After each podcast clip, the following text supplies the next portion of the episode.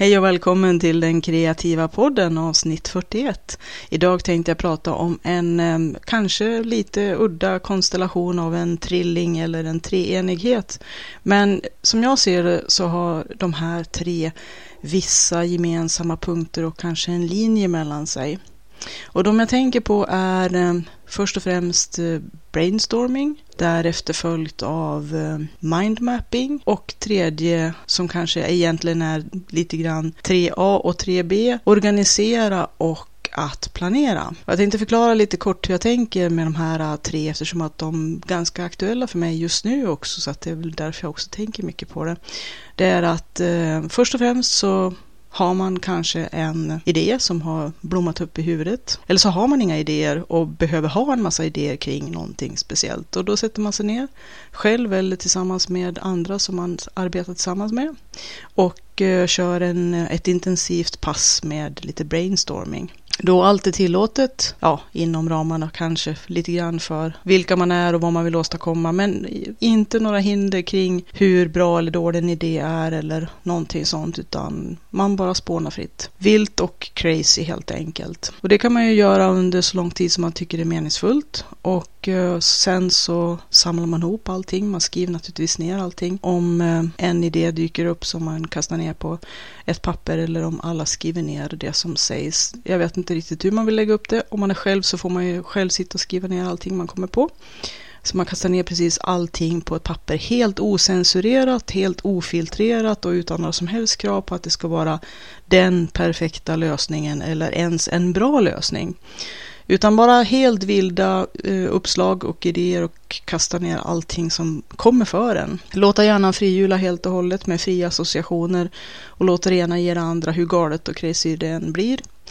Och ingen skam, ingen, inga krav som sagt på att det ska vara på något speciellt sätt utan helt fritt. När man känner sig nöjd med det så tar man det som man har åstadkommit och kanske vill renskriva det lite grann och kanske strukturera upp det i lite olika grupperingar eller fraktioner och eh, i alla fall få en slags överblick kring materialet som har dykt upp. Huruvida man då ska sätta sig ner och eh, rensa lite grann i, i planteringen och hitta de idéer eller de, de stråk eller de strömningar eller de linjer som man vill fortsätta gå vidare med.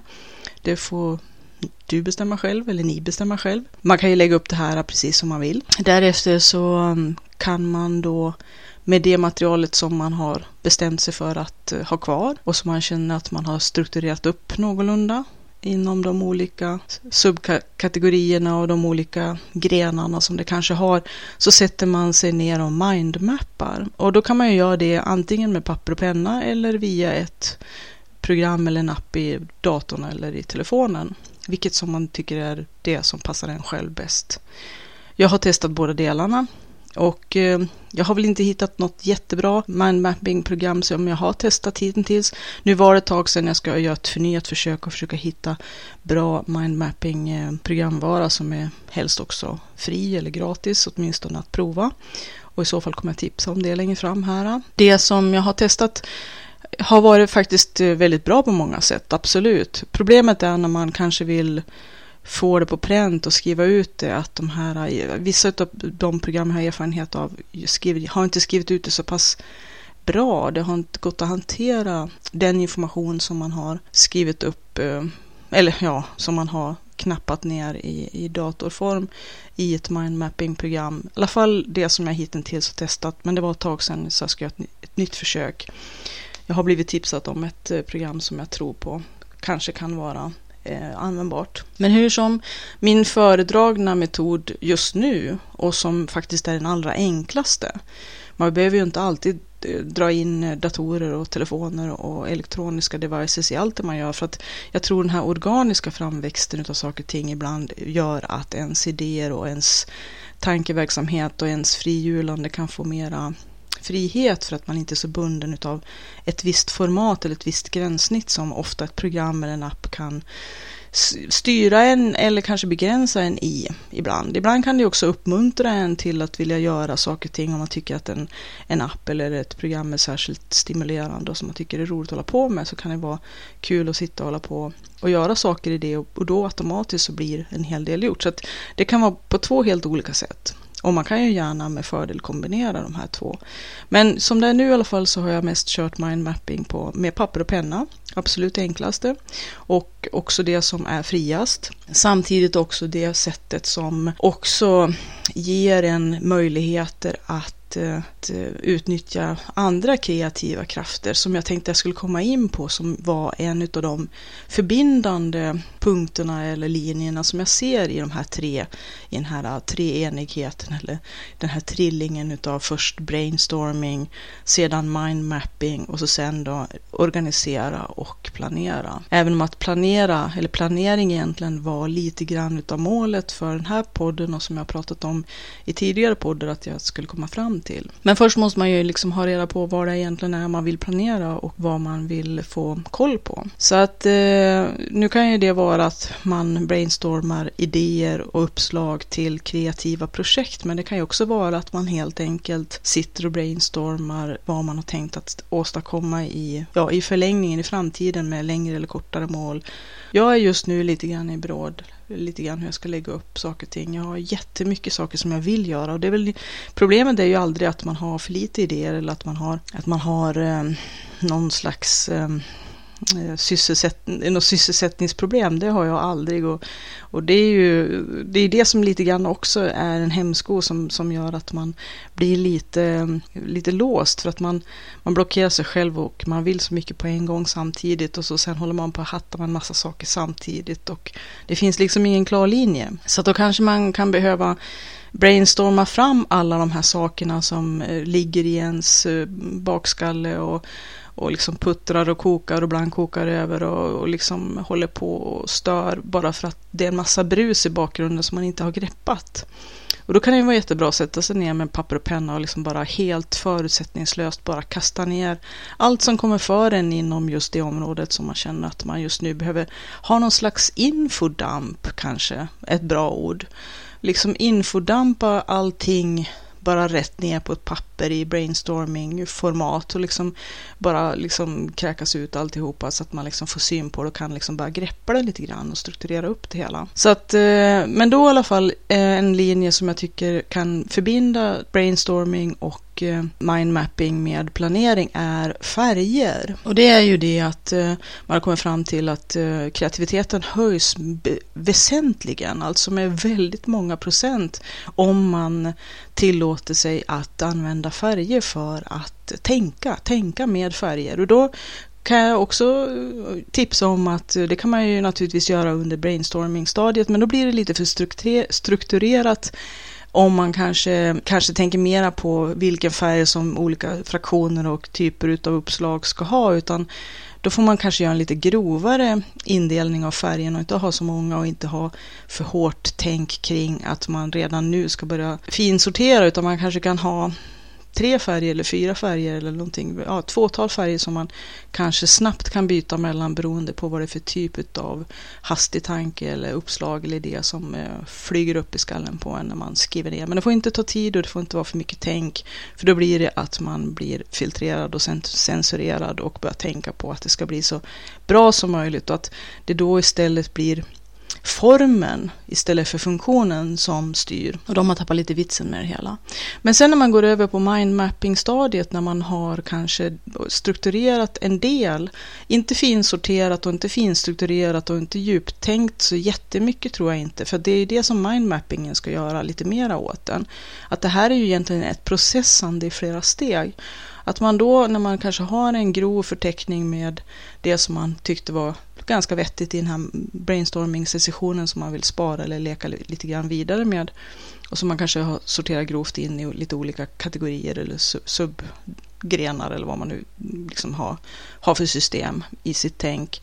Så kan man då sätta sig ner och mindmappa. Och det är himla enkelt. Egentligen i sin grundform är det ju bara att man i mitten av pappret skriver det som är det centrala. Och nu får jag väl vara lite tråkig och kanske och liksom ta något sånt där närliggande exempel som är väldigt generellt och som egentligen inte är så himla upphetsande. Men om vi säger att vi sätter planering mitt i det här pappret med en ring runt om.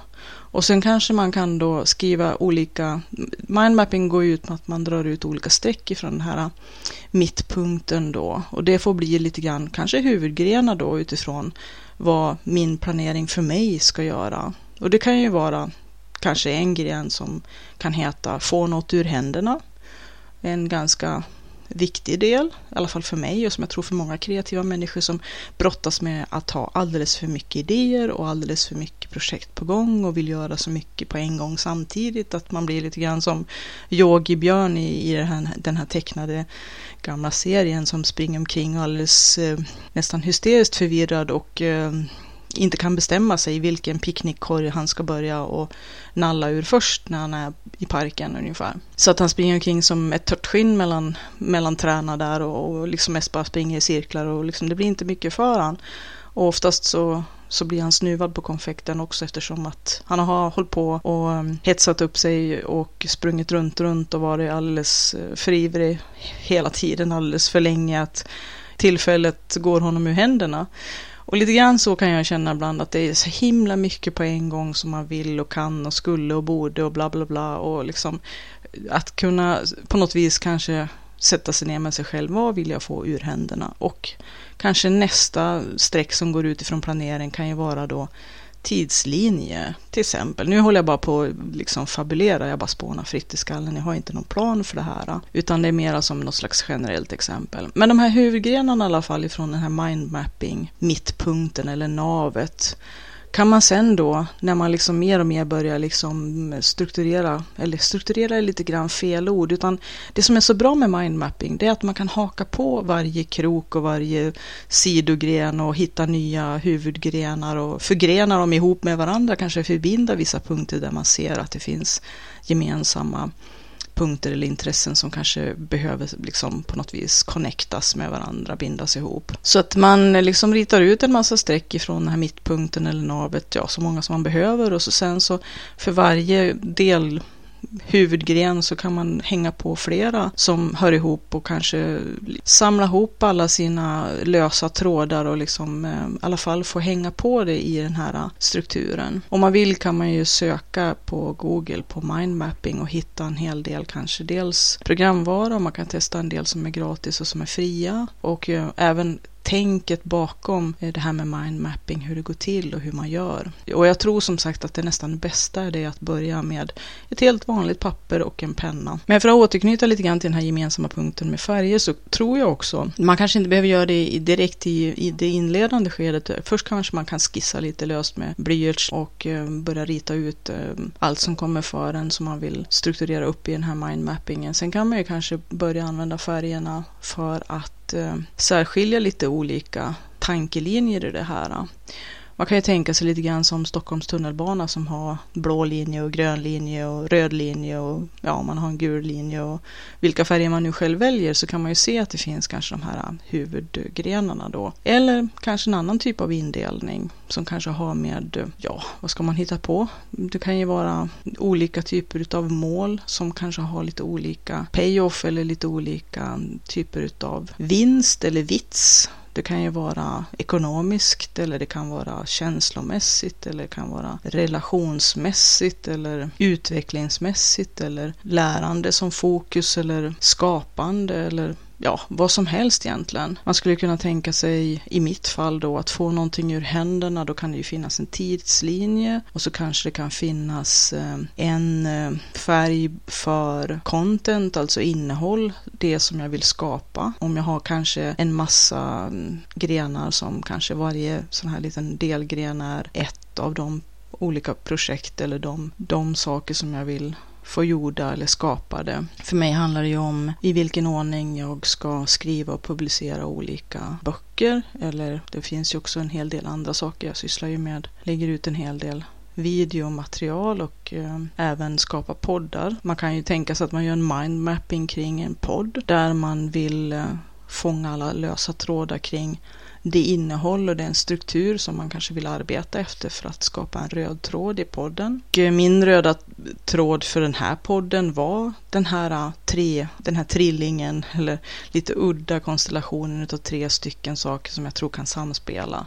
Så jag hade bara det lite grann som min röda linje, men det kan ju vara en mycket mera utvecklad röd linje om man inte bara tänker för ett enda avsnitt av podden utan för en, en hel radda av poddar Eh, poddavsnitt i, för ett helt år kanske i förhand. Eller om man som vissa poddar kör med olika säsonger, att den första säsongen så vill man kanske fokusera på en viss delsak inom det ämne som man jobbar inom. Och sen nästa säsong så har man ett annat fokus. Och och eh, de olika idéerna kring de här fokuserna som man har tänkt att jobba med kan ju ha olika färger. Och genom att man då har gett dem olika färger så är det ju lättare sen att faktiskt kunna sortera ut och även liksom visuellt, rent grafiskt kunna jättelätt se, okej okay, det här har vi eh, skrivit eller strykit under. Man kan ju antingen stryka under de ord man skri har skrivit med blyerts eller de linjer man har dragit utifrån hur man tycker att de hör ihop med olika färger beroende på vilket sätt man väljer att jobba på. Och då kan man ju kanske se att ja, här har jag liksom alla de röda sakerna som betyder att det handlar om, eh, ja, vad ska vi säga, praktiska arbetssätt för att kunna mm, öka sin kreativitet. Nu hittar jag bara på igen här, lite så här direkt ur, ur det blå. Eh, och så kan man se att alla de gröna sakerna som handlar om eh, saker som kan vara stora hinder i ens kreativitet och vilka lösningar man har på det. Eh, ja, och så vidare och så vidare. Du får ju tänka reda på ditt arbetsområde arbetsområde eller just det som du vill mindmappa kring. Man kan ju faktiskt mindmappa kring en massa olika saker. För egentligen behöver det inte bara vara det kreativa arbetet. Jag såg en mindmapping utifrån en person som var tvungen att flytta och blev jättestressad över det för att är det någonting som verkligen kan stressa skiten ur en rent ut sagt så är det att flytta. För då är det så himla mycket saker som ska tänkas på och som ska koordineras och det finns liksom en tidslinje och massvis med olika saker. Att man ska först och främst kanske hitta en ny bostad och det kanske ska redas ut var den bostaden ska befinna sig och fördelarna eller nackdelarna med att välja ett visst, en viss ort eller ett visst ställe att bo på. Och utifrån eh, arbetssituationen och pendling och barnomsorg och skolor och en, mm, släktingar och vänner och nätverkande och resor och klimat och ja, bostadsmarknaden, massa olika saker som man måste ta hänsyn till.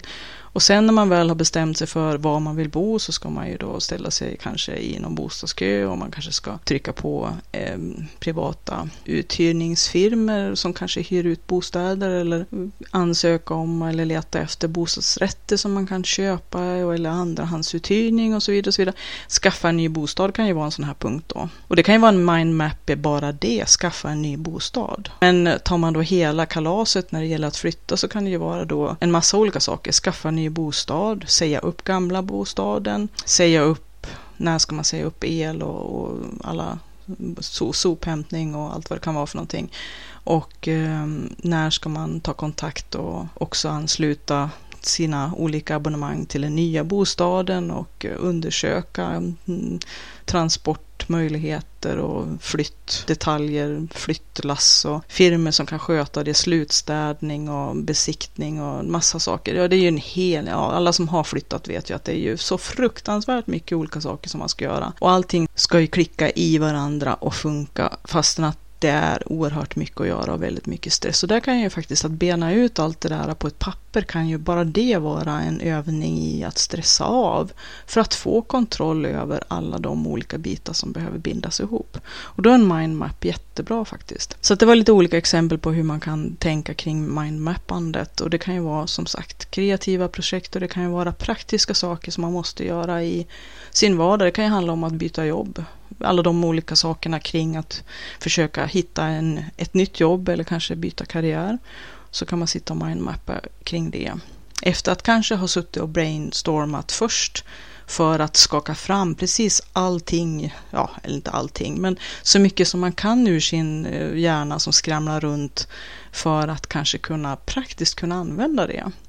Det är väl det som är så suveränt egentligen, för att mest blir man ju bara stressad av det här äh, som skramlar runt i skallen hela tiden och man ska försöka ha koll på det. För det är väl ett av de stora problemen att vi utnyttjar vårt arbetsminne väldigt dåligt genom att belasta det, det med att försöka ha olika tags på saker som vi inte får glömma eller sådana idéer som vi har så att vi ska liksom försöka rodda allt det där samtidigt. Då är det bättre att bara kasta ner allting på ett papper och så sen försöka strukturera upp det och så kan man göra en mindmap ifall att det behövs. Och sen då när man har allting nedkluddat först in, i en brainstorming och sen i en mindmap där man har strukturerat upp det kanske något mera förgrenat och eh, i kronologiska ordningar eller vilken typ av ordning man nu behöver ha. Då kan man ju sätta sig ner och lite i detalj organisera och planera det här. För då har ju man fått ner allt det som skramlade i skallen och eh, det har blivit någonting man kan ta på faktiskt både hantera och eh, bearbeta och handskas med. Och eh, jag tycker det är en jättebra ingång till det som är just nu väldigt angeläget för mig när det gäller planering. Att tänka i vilken ordning ska jag nu göra saker för att maximalt kunna dels slappna av i det som jag vill få gjort och känna att jag jobbar efter en, arbetar efter en plan. Där jag har en eh, tågordning som gör att jag kan vila i att just nu är jag här och då ska jag göra det här och eh, behöver inte känna mig jättestressad över alla andra miljoner saker som jag ville, borde, skulle och tänk om att och så vidare som har en tendens att bli när man är en kreativ människa med massvis med tänkta och pågående och önskade projekt som skvalpar runt. Utan då kunna tydligt se att nu vill jag åstadkomma det här och det här och det här och jag vill göra det i den här och den här ordningen. Vilket låter ju jätteenkelt när man säger det på det sättet. Men i vilken ordning vill jag jobba med vilket kreativt projekt och i vilken ordning vill jag att de ska bli klar? Och kan det faktiskt möjligtvis finnas en viss eh, idé eller en viss nytta med att eh, göra det i en i en viss ordning. Jag har ju kommit fram till att, utan att gå in på detaljer, att det är ett projekt som kanske jag inte riktigt har haft liksom ögonen på så jättemycket för att det kanske inte är det, det mest jättelockande projektet eller det mest iögonfallande. Det är ett jättespännande projekt som så, men det är inte det som kanske jag har gått omkring och, och haft mest tankar kring, utan det har varit lite mer en doldis. Och jag har kommit fram till att nej men egentligen om jag sen ska göra det här andra lite större och viktigare är ett felaktigt ord men ja ett projekt som ligger mig väldigt varmt om hjärtat då har jag faktiskt jättestor nytta av att ha gjort det här det här lite mer den här doldisen först. För att det kommer att både understödja och kunna vara underlag och material till det här andra projektet som mer har dragit till sig mitt Eh, mitt, intresse. Det är ju väldigt lätt att det som eh, skiner mest, shiny shiny, är det som dras, drar till sig ens uppmärksamhet. Antingen är det det som är mest shiny shiny eller det som skriker högst som, som man har mest fokus eller mest eh, medvetet och kanske också omedvetet känslan för.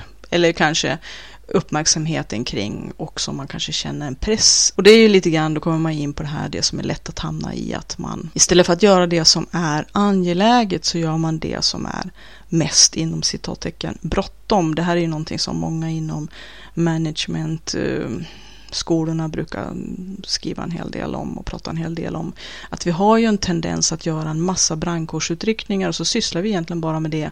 Och så får vi inte det som på sikt skulle vara mycket bättre att göra. Får vi aldrig det gjort, vilket gör att vi då fortsätter att vara fast i den här fällan att göra en massa brandkårsutryckningar eftersom att de här sakerna som vi skulle ha gjort om vi inte höll på och sysslade med alla brandkårsutryckningar, det är det som skulle vara en jättebra grund grund för att få mycket bättre framtid helt enkelt, för att uttrycka det liksom väldigt generellt.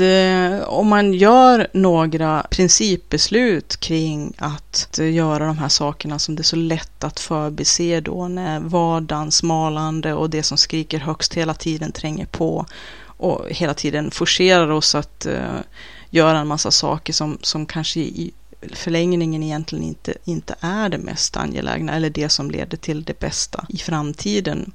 Och jag har ju pratat lite grann om det här med att säga ja och nej på rätt ställen, att vi har en tendens att gå med på alldeles för mycket som egentligen inte finns något egentligt värde i, utan vi säger ja till allting bara för att slippa säga nej, för vi är lite besvärade kring att ta den här, kanske egentligen oftast är det små skitgrejer, alltså det är miniatyrprylar, men bygger man alla miniatyrprylarna ihop till ett stort berg så blir det till slut väldigt överväldigande och så sen blir det väldigt mycket som kallar på vår uppmärksamhet hela tiden och så blir vi splittrade och så springer vi som eh, grillade illrar och eh, känner oss jättestressade och håller på med en massa saker som inte leder till att vi kommer i mål med det som vi egentligen borde syssla med. Liten utvikning här, men det är lite grann det som i och för sig knyter ihop till det här med planering. Att om man planerar att göra ett projekt färdigt och få något ur händerna så måste man ge utrymme och man måste skapa utrymme och plats för det.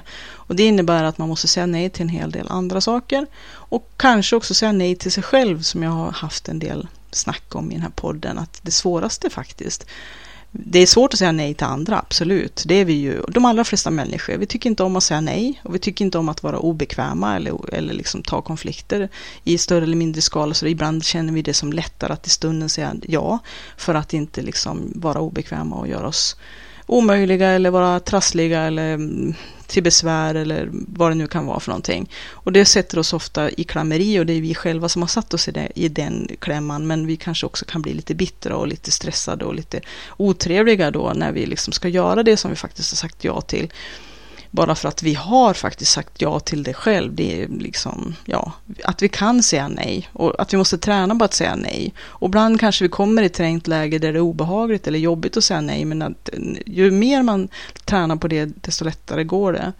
Och att ha en plan då tydligt för sig vad man egentligen, egentligen borde syssla med istället för allt det här bruset som, som har en tendens att överbelamra hela vårt liv och våran vardag. Så då är det lite lättare också att se de här linjerna, de här tydliga linjerna, vad som man egentligen ska syssla med och då blir det också mycket enklare att förstå att säga nej när man ska skapa utrymme för att få det här gjort. I alla fall, för att lämna lite grann bakåt eh, titt på det som har sagts förut. Eh, så att kunna planera och att bestämma sig för i vilken ordning man ska göra saker och ting kan vara en otrolig lättnad.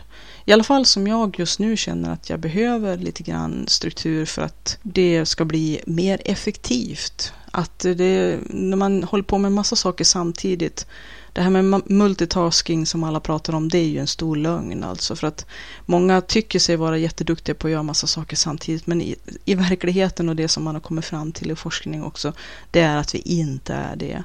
Vi blir inte ett dugg eh, effektivare genom att hålla på med massa saker parallellt, utan snarare tvärtom.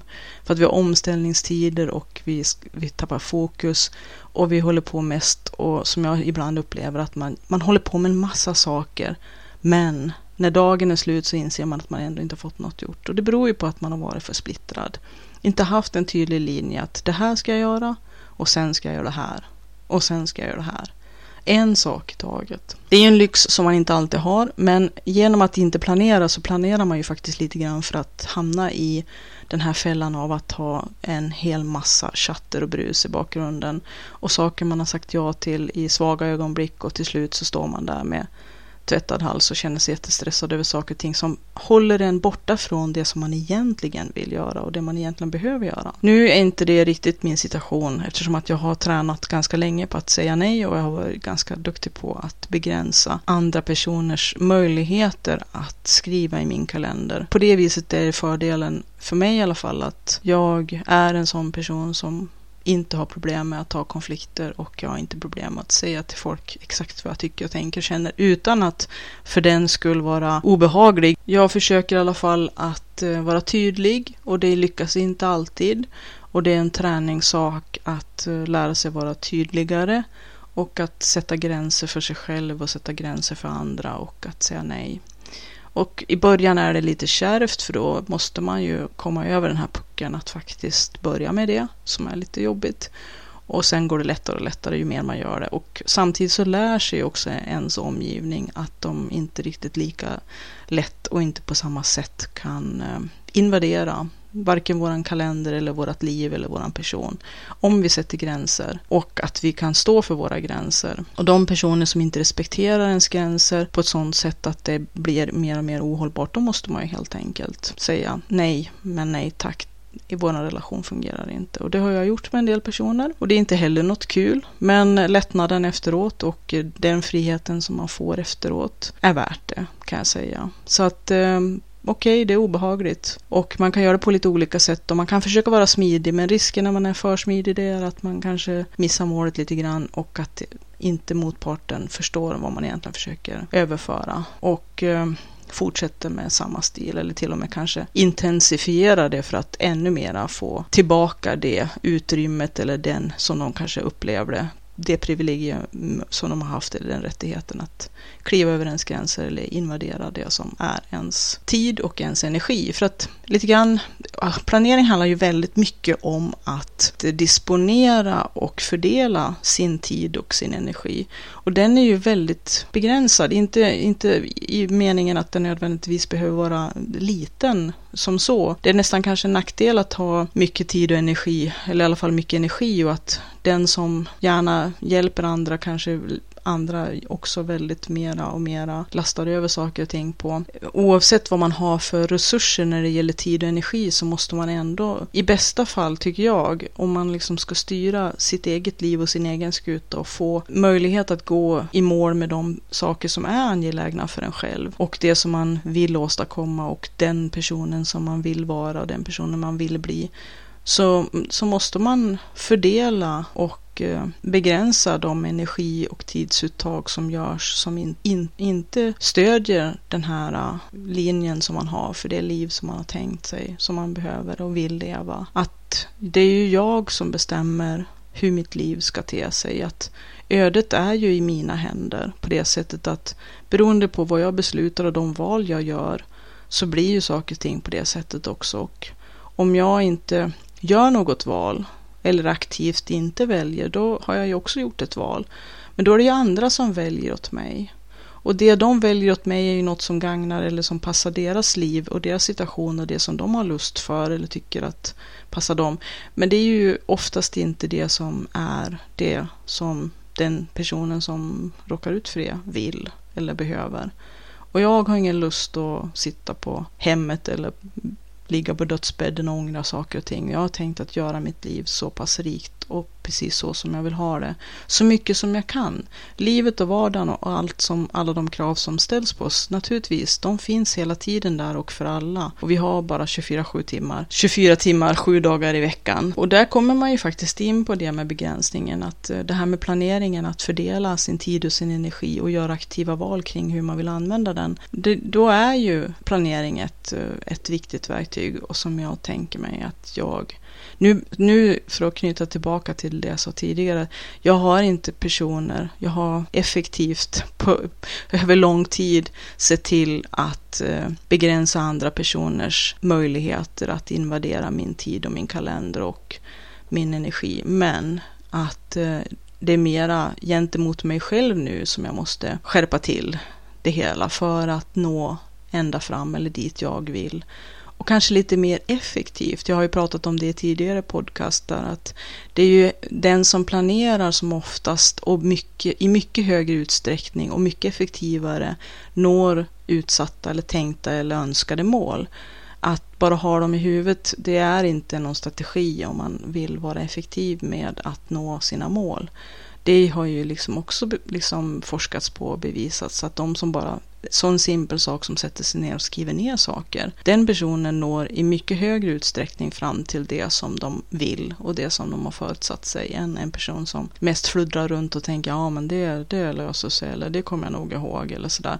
Allt det här bruset som skramlar runt både i, våran, i vårat huvud och i vår omgivning kommer att effektivt förhindra att vi når det som vi har tänkt oss och det som vi hoppas på. Att göra ett aktivt val det är ju oerhört eh, angeläget då och det är det som jag tänker mig att jag står inför nu. Nu är det ju ett kvartal kvar utav 2018 och snart går vi in i 2019. Och mitt mål är att ha en tågordning som jag själv har bestämt utifrån de projekt jag vill jobba i och med lite preliminära deadlines för när de ska vara klara och hur de ska haka i varandra. För där kommer man ju väldigt mycket in på det som jag tänker att det här med att mindmappa kan hjälpa en att se huvudstråken, kanske bygga upp en kronologi och kanske få hänga på alla saker som skramlar runt på rätt ställe, på rätt gren, tydligare kunna utnyttja de eventuella möjligheterna att få saker och ting att haka i varandra. Inte bara med tanke på kronologin, även om att, att göra saker i rätt ordning kan vara väldigt viktigt i vissa sammanhang och oerhört angeläget. Men, men också att man kanske kan se sådana här spin-off-effekter eller synergieffekter, att man kanske kan se att det här här, om jag gör det i den ordningen så kan det stödja eller hjälpa till eller ge mer underlag till det här som jag sen har planerat. Om man nu tänker sig planering som det tredje steget efter att ha brainstormat och mindmappat.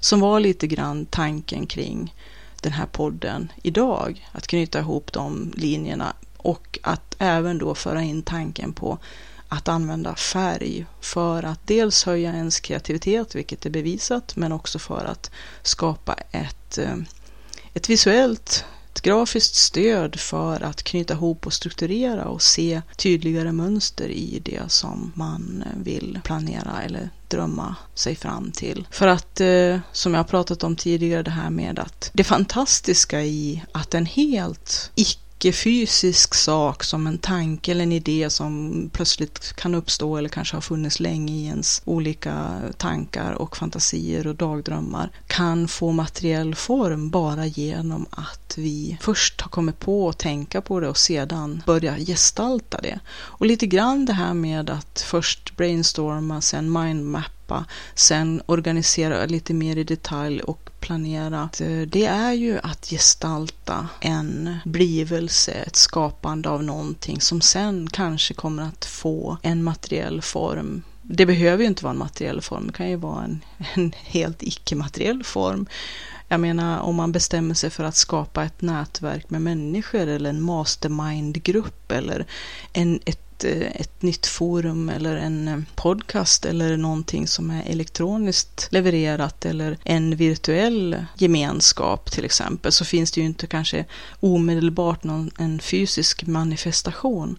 Men ändå att gå från ett tankemoln som ingen kan ta på, verkligen inte en hjärnkirurg kan se om de skulle öppna skallen på en, kan bli, Eh, få en materiell eller en fysisk eller någon annan typ av manifestation som till och med då kan delas av flera än en själv. Det kan ju vara ett konstverk, det kan vara en målning, det kan vara en se serie, det kan vara en roman, det kan vara ett vackert smycke eller det kan vara en gemenskap. Och med det tänkte jag sluta den här podden för idag och sätta igång med min planering. Så att eh, vi syns till nästa gång. Ha det gott och gå gärna in på www.sidharta.se z-i-d-d-h-a-r-t-a.se där kan du läsa mer om poddar och min kreativa verksamhet och även klicka på en länk som heter bidra om du har lust med det för att eh, hjälpa till att eh, stödja den här podden och supporta den till framtida stordåd.